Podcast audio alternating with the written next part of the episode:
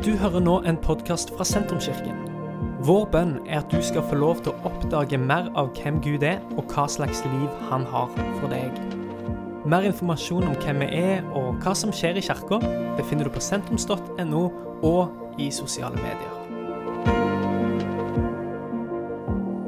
Og som Kenneth sa, så skal vi inn i en serie om hvem Gud er. Og Hvorfor snakker vi om det? Jo, for det som vi lærer fra skapelsesberetningen. Kanskje den viktig, Ja, det er mye viktig i skapelsesberetningen, men en veldig viktig ting i skapelsesfortellingen er eh, dette at eh, Gud eh, blåste livets ånd inn i mennesket, og det ble en levende sjel. Det er noe som skiller mennesket fra resten av skaperverket og fra resten av skapningen, fra dyra. Eh, og Det som da skiller mennesket fra alt andre, det er at mennesket er skapt i Guds bilde. Eh, det betyr med andre ord at eh, vi er forma litt etter hvem Gud er. Så med å forstå hvem Gud er, så forstår vi mer av hvem vi sjøl er. Og Der vil jeg jo også si at det å ha et rett bilde av Gud er jo viktig for at vi skal ha et rett bilde av oss sjøl.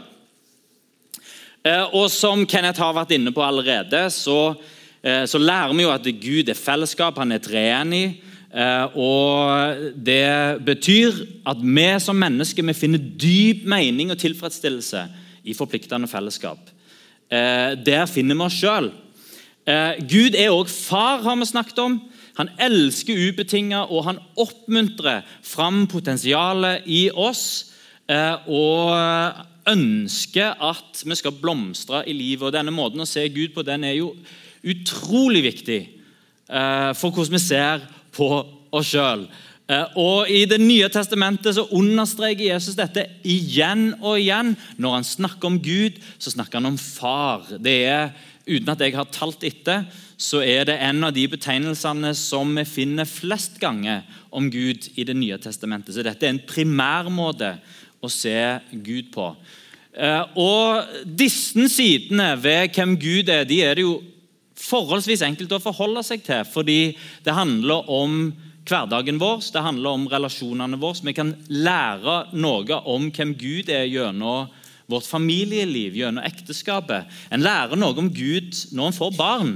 Eh, for når en, når en, da ser på sitt eget barn og de eh, følelsene som dukker opp i en sjøl, og beskyttelsestrang og omsorg og kjærlighet og alt det potensialet som en ser inn i det barnet som en har fått, så plutselig så forstår en noe om hvem Gud er, og hvordan Gud ser på oss.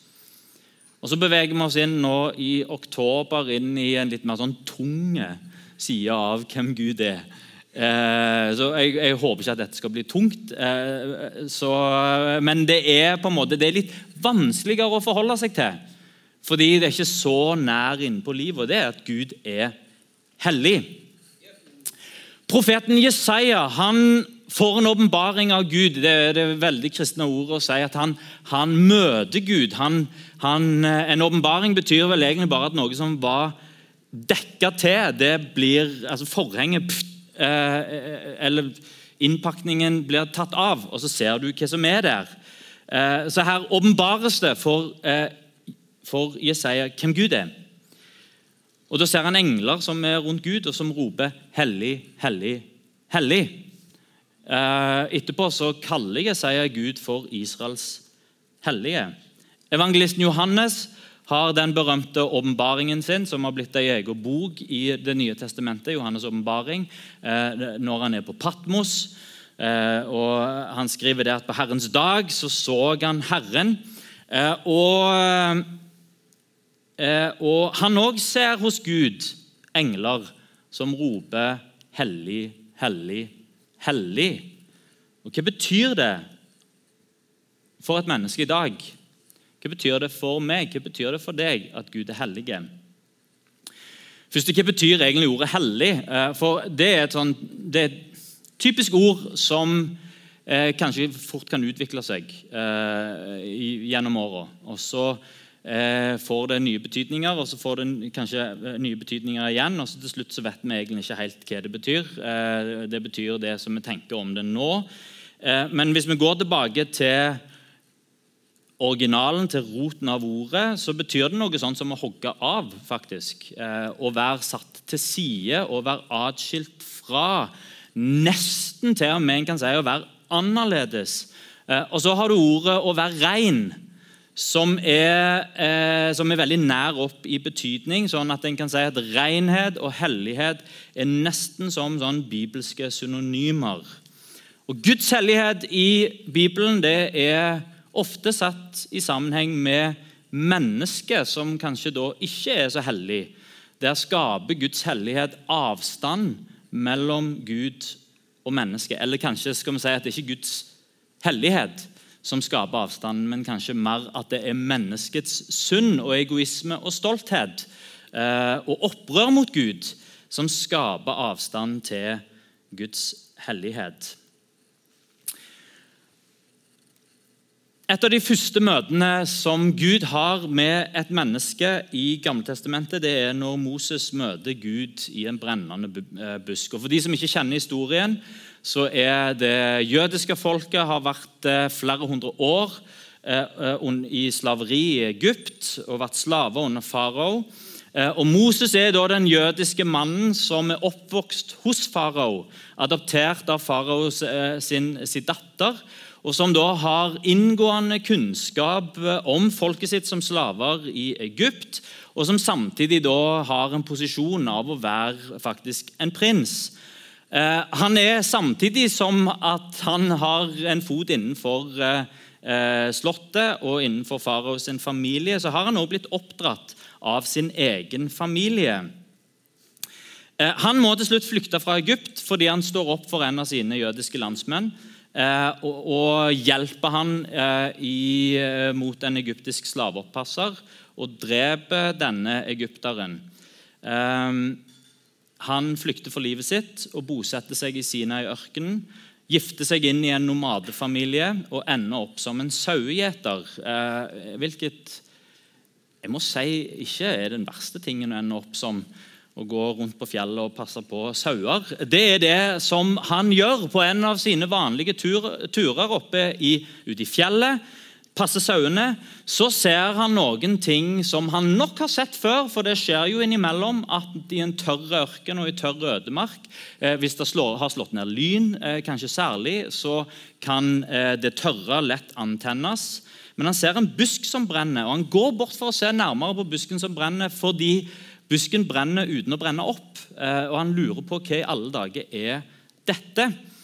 Eh, og eh, Etter hvert som han kommer nærmere, så blir han stoppet av en stemme som sier 'ta av deg skoene, for du står på hellig grunn'. Og Det er Gud som snakker til han. Gud er hellig. Derfor er òg stedet som Gud er på, hellig. Og Moses han responderer med ærefrykt. Han tar av seg på beina. Og Det er menneskets respons til en hellig Gud. Det er ærefrykt eller tilbedelse. Det er å falle ned foran Gud. Eh, Moses tar av seg på beina. Det er en sånn eh, det er en veldig gjenkjennelig, fortsatt i vår tid, gjenkjennelig måte å vise respekt på. Eh, vi vet fortsatt forskjellen på inne og ute. Inne er annerledes enn ute. Inne er satt av er satt til side i forhold til ute. Eh, når vi går ute, så blir vi skitne. Eh, ikke overalt, men blir skitne på beina, for det er det som kommer i kontakt med støv og hundebæsj. Eh, og alt annet som, eh, som, befinner seg der som vi går. Eh, og når vi kommer inn, så er det en forskjell på inne og ute. Og vi viser og demonstrerer dette med å ta av oss på beina. Hvis det er kaldt på gulvet inne, så bruker vi tøfler. Eh, eller aller helst eh, alle menn, ikke tøfler, vær så snill. Heller tjukke sokker, eller kanskje til og med innesko. Og fortsatt så er det uhøflig regna som å bare ture inn i et hjem med skoene på. Selv om det hender dessverre at jeg gjør det når jeg skal besøke min mor. Unnskyld, mor.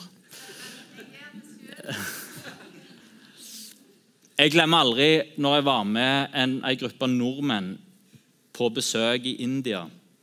Besøkte et lite hjem. Vi var eh, sikkert nesten 15 nordmenn som skulle inn i dette lille hjemmet, eh, inn i en bitte liten stue.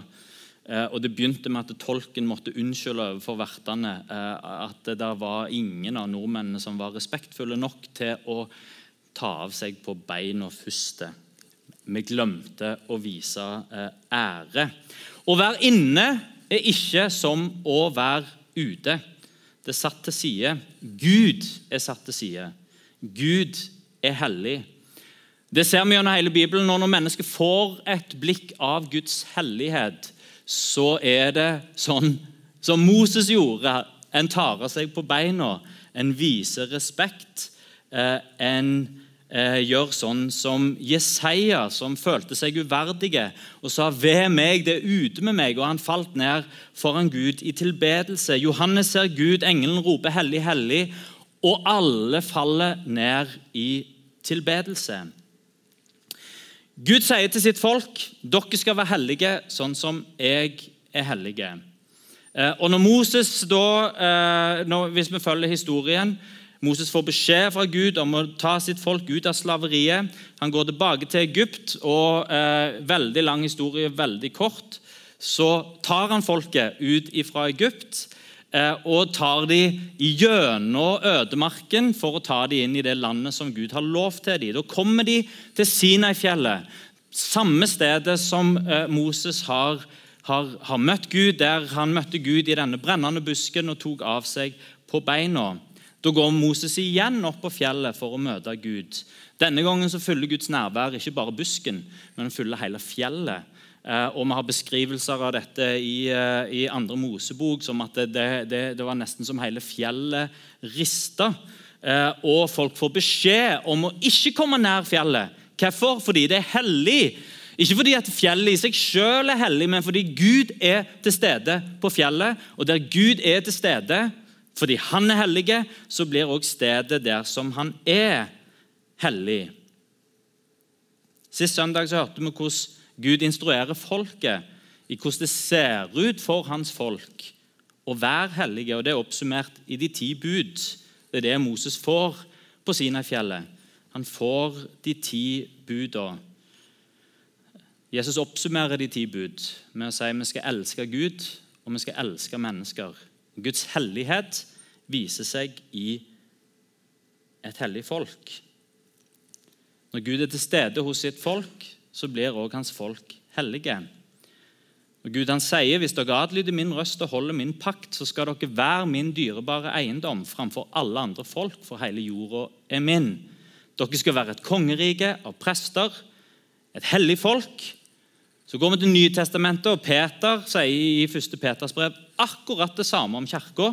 Dere er en utvalgt slekt, et kongelig presteskap, et hellig folk, et folk som Gud har vunnet for at dere skal forkynne hans storverk.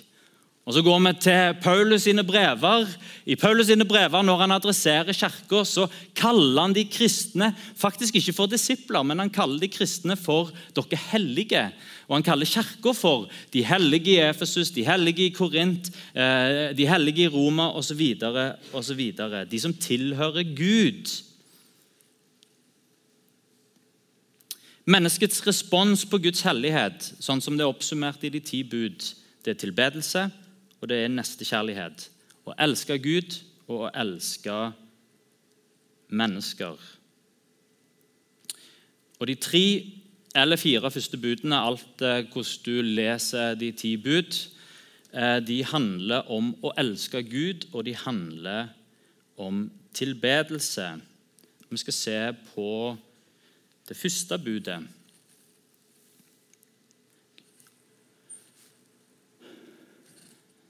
Gud talte alle disse ordene. Jeg er Herren din Gud, som førte deg ut av Egypt, ut av slavehuset. Du skal ikke ha andre guder enn meg. Uh, by the way, Det er sånn det er det som er den jødiske lesningen av det første budet. Det er 'Jeg er Herren din Gud som førte deg ut av Egypt', av slavehuset. Eh, mens Gud inngår pakt med Moses på vegne av folket, så går tida. Moses blir værende på fjellet. Han kommer ikke tilbake. Den ene dagen går, en til dag går, enda en til dag går. Jeg eh, husker ikke helt hvor lang tid, som, men det er lenge. Eh, og det står i fortellingen i andre Mosebok at folket glemmer av Gud. De glemmer av Moses. De mister tålmodigheten. De går lei. Eh, og Beskrivelsen vi har av et folk i ærefrykt, der fjellet nesten skjelver fordi at Guds hellighet er der. Gud er til stede, Gud er hellig, eh, og, og hele fjellet er hellig. Det forsvinner, eh, og de glemmer av det som har skjedd. Vi tilhører en kultur som har glemt av Gud. Tenk fra gammelt av i europeisk kultur og i europeisk liv når du skulle bygge en by.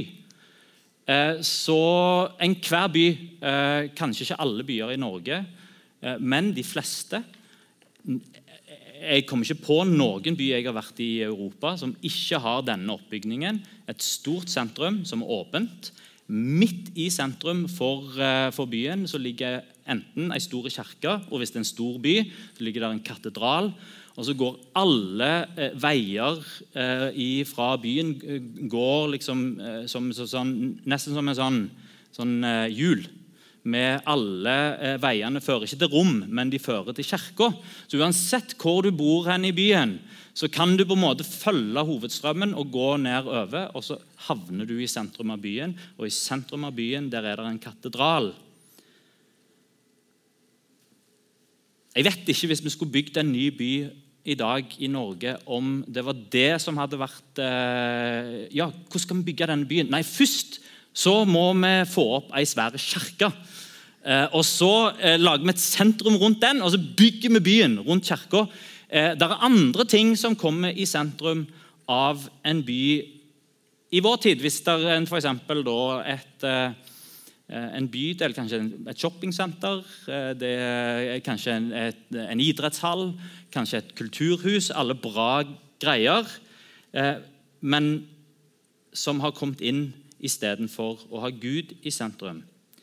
Gud forsvinner mer og mer fra markeringene, både når det er barn som blir født, når det er konfirmasjon, når det er bryllup, så er det mer og mer vanlig i Norge at en gjør det uten å nevne Gud. Og i større grad kan, til og med begravelser uten Gud. Gud har forsvunnet nesten helt ifra den offentlige samtalen. Gud forsvinner til og med fra den private samtalen. Når, eh, og I Norge så har det blitt sånn at det, det, er, neste, det, det er, nesten en av de mest private ting og, og nesten tabu.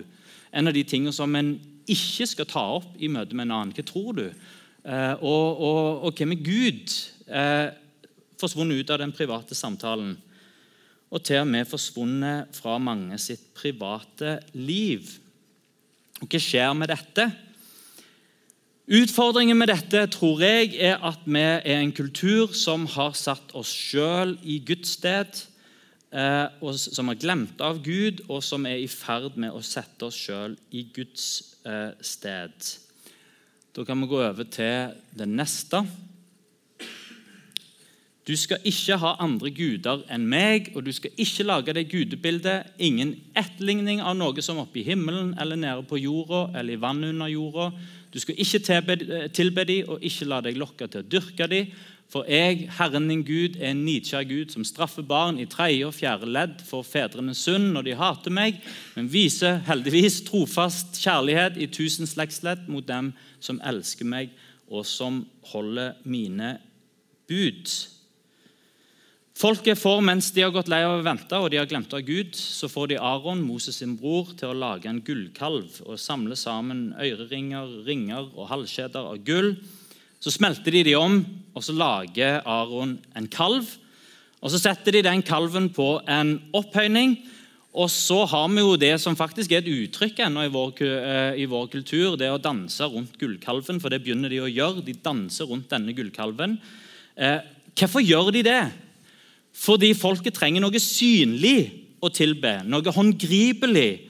Den hellige, usynlige Gud som var imponerende når de fikk et lite sånn inntrykk av å, nå, var det, nå, nå rista det litt i fjellet her. Å, Gud, eh, han er her.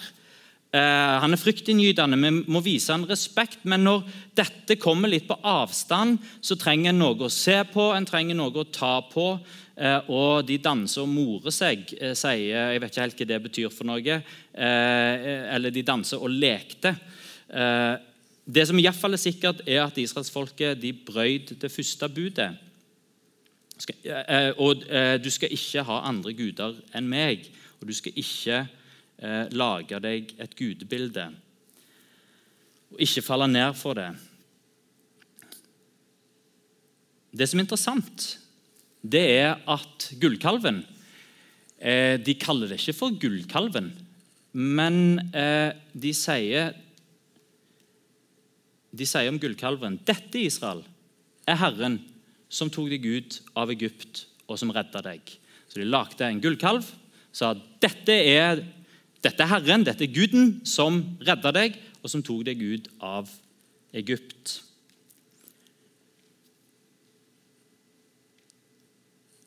Vår kultur har som israelsfolket blitt ledet ut av slaveri. Den vestlige kulturen, bygd på kristen tro, har, er den som helt bokstavelig har avskaffa slaveriet ved lov. En har løfta den fattige til verdighet og til et fullverdig liv. En har løfta barns verdi. Der kan en bare se på alt det som Jesus sa om ungene, som var helt uhørt i sin samtid, som en har tatt til seg. og En har løfta opp barns verdi. En har løfta opp kvinners posisjon Eh, etter Paulus sine ord om at her er ikke mann og her er ikke kvinne, her er alle ett i Kristus. En har bygget rettssystem som er basert på de ti bud, og som har gitt rettssikkerhet til den svake. En har gitt utdannelse til alle. En har satt omsorg av den syke i sentrum, og det har gitt oss legevitenskap og det har gitt oss sykehus. Og Han har også temma seksualiteten og tatt den inn i, et, inn i, rammen av et livslangt ekteskap og bygd familier på trofast, hengiven kjærlighet. Kristen tro har gitt oss ideen om menneskeverd og menneskerettigheter. En har gitt verdien av å kjempe for de marginaliserte og gi stemme til de som ikke har en stemme.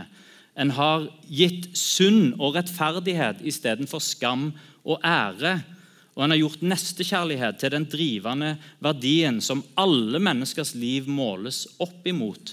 Og han har skapt den mest suksessfulle kulturen i verdenshistorien og gjort oss til de mest privilegerte menneskene som noen gang har levd. Iallfall når det kommer til materiell velstand.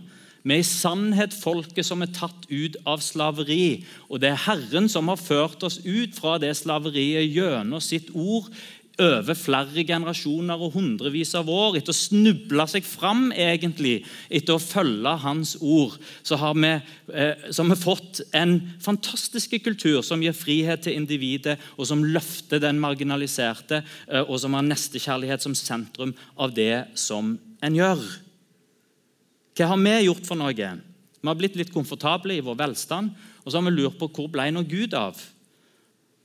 Og så har vi gjort som israelsfolket. Vi har skapt oss en gullkalv som vi har begynt å danse rundt. Eller det vil si, Vi har ikke lagt en kalv, for uh, vi er litt for gode for det. Men vi har satt oss sjøl der istedenfor. En satt mennesket i sentrum. Mennesket på Guds plass. Så gullkalven som vi har skapt oss, er oss sjøl. Og vi har blitt en kultur som og det er ikke sikkert du er 100 eh, enig med meg her, men, men hvis en begynner å tenke litt etter hvordan kulturen vår fungerer Vi er jo en kultur som i større og større grad danser rundt oss sjøl. Bare tenk, hva er din første tanke hvis du er på et sted hvor en celebritet kommer? Altså Hvis kongen kommer forbi, hva er din første innskytelse? Hvordan reagerer du på det? Eh, jeg så kongen for eh, nesten 20 år siden, eh, kongen og dronninga, og jeg responderte med å ta opp telefonen på det tidspunktet og ta et bilde av de. Men hva gjør vi nå? Nå snur vi oss sånn, og så tar vi et bilde av oss sjøl sammen med kongen. Og hvem er det som er sentrum av den opplevelsen etterpå? Det er ikke kongen, for han står bak deg. Det er du sjøl som er satt i sentrum av den opplevelsen. Jeg er i sentrum av det som skjer. Jeg dokumenterer meg sjøl i sentrum. Det er kanskje litt harsh å si at vi tilber oss sjøl. Men vi sier iallfall i vår kultur at det er oss sjøl som har ført oss ut av slaveriet. Det er vi som har skapt alt dette. Det er vår eget intellekt, det er vår egen dyktighet, vår egen skaperevne eh, som har skapt og forma alt det fine som vi har, og hopper fint over hvordan Gud gjennom sitt ord og gjennom Kirka har forma vår sivilisasjon og vår kultur gjennom 2000 år. Tilbedelsen vår har blitt feilretta. Den moderne dansen rundt gullkalven er å sette mennesker sjøl i sentrum. Min enkle oppfordring er ikke tilbe deg sjøl. Ikke sett deg sjøl i Guds sted. La Gud få din tilbedelse. Du skal ikke misbruke ja, eh, neste bud, og vi begynner å gå inn for landing. Du skal ikke misbruke Herren din Guds navn, for Herren frikjenner ikke den som misbruker Hans navn. Eh, når jeg var yngre, så var dette selve tegnet, altså iallfall på barneskolen, eh, og delvis òg inn, inn på ungdomsskolen. Det var selve tegnet på om du var kristen eller ikke. Eh, er han kristen? var spørsmålet blant eh, oss elleveåringer. Han banner, han er ikke kristen. Han banner ikke, så han er kristen. Eh, det å misbruke Guds navn det var en sånn tydelig identitetsmarkør. Og det er noe sant i det òg, fordi at når Gud kommer på innsida, så endrer det språket. Når Jesus kommer på innsida, så endrer det språket vårt. Eh, men det er dette som ligger bak den. En vil ikke misbruke Guds navn. En vil ikke bruke Guds navn som et kraftuttrykk eller for å streke unna et poeng. Men så har dette andre betydninger òg. Vi skal ikke bruke Guds navn for å gi autoritet til egne ideer. Det er masse pastorer som har misbrukt Guds navn. Mye. Fordi en fikk en god idé.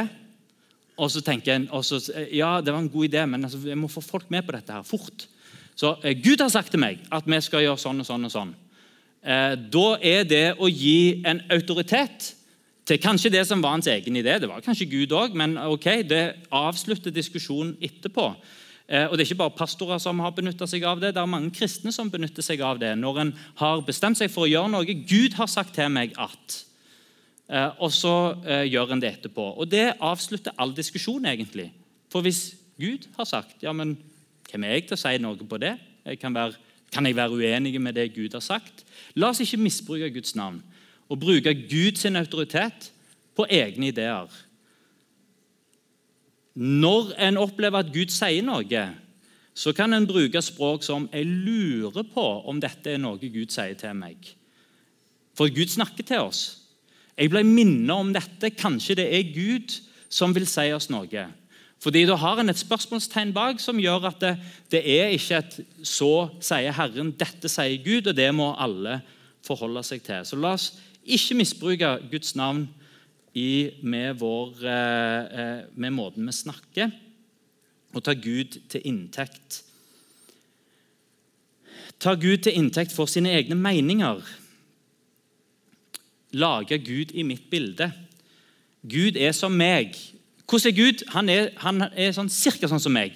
Har sånn cirka de meningene som jeg har, og stemmer sånn cirka på det eh, politiske partiet som jeg eh, stemmer på, og har mine oppfatninger. Det å ikke misbruke Guds navn det er en viktig del av tilbedelsen. Fordi vi trenger å finne ut av hvem er Gud. Da trenger en å studere, en trenger å studere Skriften. For her åpenbarer Gud seg for oss. En trenger å be til Han og vi skal ikke være redd for å be til han. Jesus han sier at uh, vi skal komme vi skal be Fader vår, vår far. Vi skal snakke til han som barn snakker til sin far. Og så kan vi be i Jesu navn. Vi kommer på Jesu vegne. Dette er tilbedelse. Vi studerer Bibelen, og vi ber for å finne ut av hvem Gud er, sånn at vi ikke misbruker hans navn og misbruker hvem han er. Og den siste her, og Da kan bandet eh, komme opp og gjøre seg klar. Du skal holde hviledagen hellig. Vår respons på å forholde seg til en hellig Gud det er å tilbe. Vi tilber gjennom å studere Hans ord og gjennom å be. Vi tilber gjennom å sette Han i sentrum for vår tilbedelse, og ikke sette oss sjøl i sentrum. Og så sier eh, dette budet.: Husk sabbatsdagen og hold han hellig. Seks dager skal du arbeide og gjøre all din gjerning, men den sjuende dagen er sabbat for Herren din Gud. Da skal du ikke gjøre noe arbeid, verken du eller din sønn eller din datter, verken slaven eller slavekvinnen din, verken buskapen din eller innflytteren som bor i byen. For på seks dager laget Herren himmelen og jorden, havet og alt som er i det. Men den sjuende dagen hvilte han. Derfor velsignet Herren sabbatsdagen og helliget, helliget den. Det er en dag i uka satt av til å På engelsk sier de 'play and pray'. Til å hvile og be, eller til å hvile og tilbe. Hvile for å hente krefter, for å slappe av. Hviledagen den er gitt for mennesket. Og Egentlig så er hviledagen en dårlig oversettelse av sabbat, for sabbat betyr ikke hviledag. Sabbat betyr stopp. Der er ei arbeidsuke, og så stopp. Så slutter den arbeidsuka. Så er det ikke krav på det og det og det og det som må gjøres, men en skal slappe av. Det er, jeg, det Gud helliger den dagen. Hva har vi lært om ordet hellig? Og, uh, hellig det er en dag som er annerledes. En dag som er satt til side. En dag som er gitt til Gud. Nå sier Jesus klart og tydelig at det er ikke mennesket som er til for sabbaten. Med, andre ord at Her er det masse lover og regler for hva du kan. Skal jeg ha lov å strikke, har jeg lov å spille fotball, har jeg lov å, eh, jeg lov å, å hogge ved? Eh, og Svaret på det spørsmålet er sannsynligvis ja. Men hvis du har strikker hver dag eh, og du jobber med det som din jobb, så er svaret nei. Hvis du vedhogger, så hogger du ikke ved på søndag eller på hviledagen eller på sabbaten. Men det mennesket er ikke til for hviledagen, men hviledagen er til for mennesket. For å få en dag for rekreasjon og hvile og for å hente krefter. Mange kristne tenker nesten sånn som dette, at det er de ti bud de skal vi holde. Vi skal ikke stjele, vi skal ikke bryte ekteskapet, vi skal ikke drepe. Så, men hviledagen den var ikke så farlig. Det er ingen som tenker sånn Ja, en skal ikke stjele, en skal ikke myrde, men å være litt utro, det er greit. Eh, det, det, en tenker ikke sånn. Men vi tenker sånn knytta til dette budet her. Ja, det var ikke så farlig om det ikke var en dag som vi var stopp. Om det går i ett hver uke. Ja, men så går det i ett hver uke. Og så fortsetter det å gå i ett. Den jødiske rabbineren Abraham Heschel han sier om jødene vi har ikke et hellig bygg, men vi har en hellig tid. En dag satt til side for Gud og for deg sjøl. Og dette dette burde alle mennesker, uavhengig av om en tror på Gud eller ikke, bare tilpasse livet sitt etter. Og si det er en dag hvor alt stopper opp. Kan slappe av. Kan ha det fint, kan sove lenge.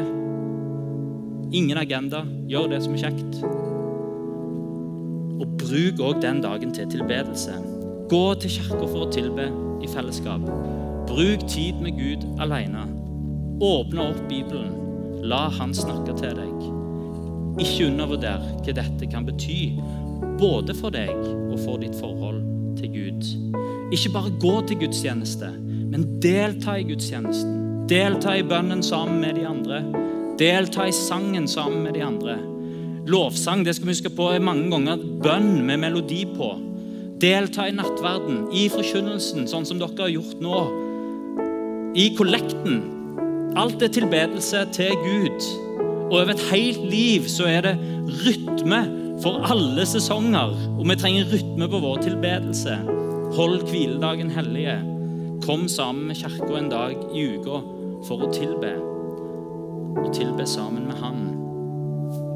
Vi skal være hellige sånn som Gud er hellige. Og Hellighet kommer til uttrykk gjennom å vise Gud ærefrykt, gjennom å tilbe Han og disse budene som vi har gått gjennom, de handler om det. Handler om å gjøre Gud til en del av hverdagen. Til å ikke sette oss sjøl i Guds sted, til å ikke tilby oss sjøl. Til å lære Gud å kjenne gjennom bønn og skriftlesning, som ikke misbruker hans navn. Og måtte sette av en dag i uka til både hvile og tilbedelse.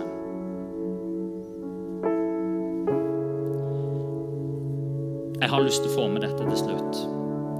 For utfordringen med de ti bud Og det har vært stille her. Og det er det alltid når en snakker om de ti bud, så blir det stille fordi en vet at Oi, dette treffer meg, dette treffer meg. Og eh, Oi, hvor har jeg brutt det, og har jeg brutt det? Så i tillegg til å gjøre vårt beste for å holde budene, så bryter vi dem. Før Moses kom ned med de ti bud, så var de allerede brutt. Uh, og han, skulle, han, han, hadde ikke engang presentert dem for, for, folket. Så hadde de brutt de første, fire første, alle sammen. Og Folket sitt opprør mot Gud og egoisme og dumhet det skaper avstand, og Gud blir sint. Moses blir også sint på Guds vegne. Han blir så sint at han knuser steintavlene hvor Gud har skrevet ned buda, og han gjør dem til støv, og han får folk til å drikke det etterpå. Så det er skikkelig sint. Vi sikter på å leve rett, vi sikte på å følge Guds eh, bud, vi sikte på å tilbe Han, vi sikte på å elske mennesker, rette vår tilbedelse på rett plass, sette oss sjøl ut av sentrum. Men så er det i menneskenaturen en nesten som en sånn sentripetalkraft som bare drar oss inn tilbake igjen til grådighet, til stolthet, til egoisme, til misunnelse. Og så ender vi som Israelsfolket opp foran en gullkalv. Moses hadde mest lyst til å snu seg for folket, gi opp men han går igjen opp på Sinai-fjellet, søker igjen Gud. Og Gud lover at han skal vise all sin herlighet for Moses. Første gangen han viste all sin herlighet for Moses, så var, viste Gud seg som en hellig, rettferdig Gud. Og Så viser han seg igjen, og da står det Herren gikk forbi han og ropte 'Herren, Herren'. En barmhjertig og nådig Gud, sein til vrede og rik på miskunn og sannhet. For det er òg sannheten om Gud. Og det er kjernen i evangeliet. At Jesus har gjort opp for all vår synd. Døde for vår synd, sto opp igjen for vår rettferdiggjørelse. Vår hellighet er ikke alltid å klare å leve rett. Vår hellighet er å bli inkludert inn i Guds familie gjennom tro på Jesu død oppstandelse. Hans død for min synd hans oppstandelse for min rettferdighet. Og Det kan vi ta imot i nåde, og få nåde og kraft til å leve rett og rette tilbedelsen vår mot Han. Kan vi reise oss? Så skal vi tilbe sammen. What a beautiful name. Dette er slutten på denne podkastepisoden. Har du spørsmål om Jesus, om tro, om livet, så er du hjertelig velkommen til å ta kontakt med oss via sentrums.no.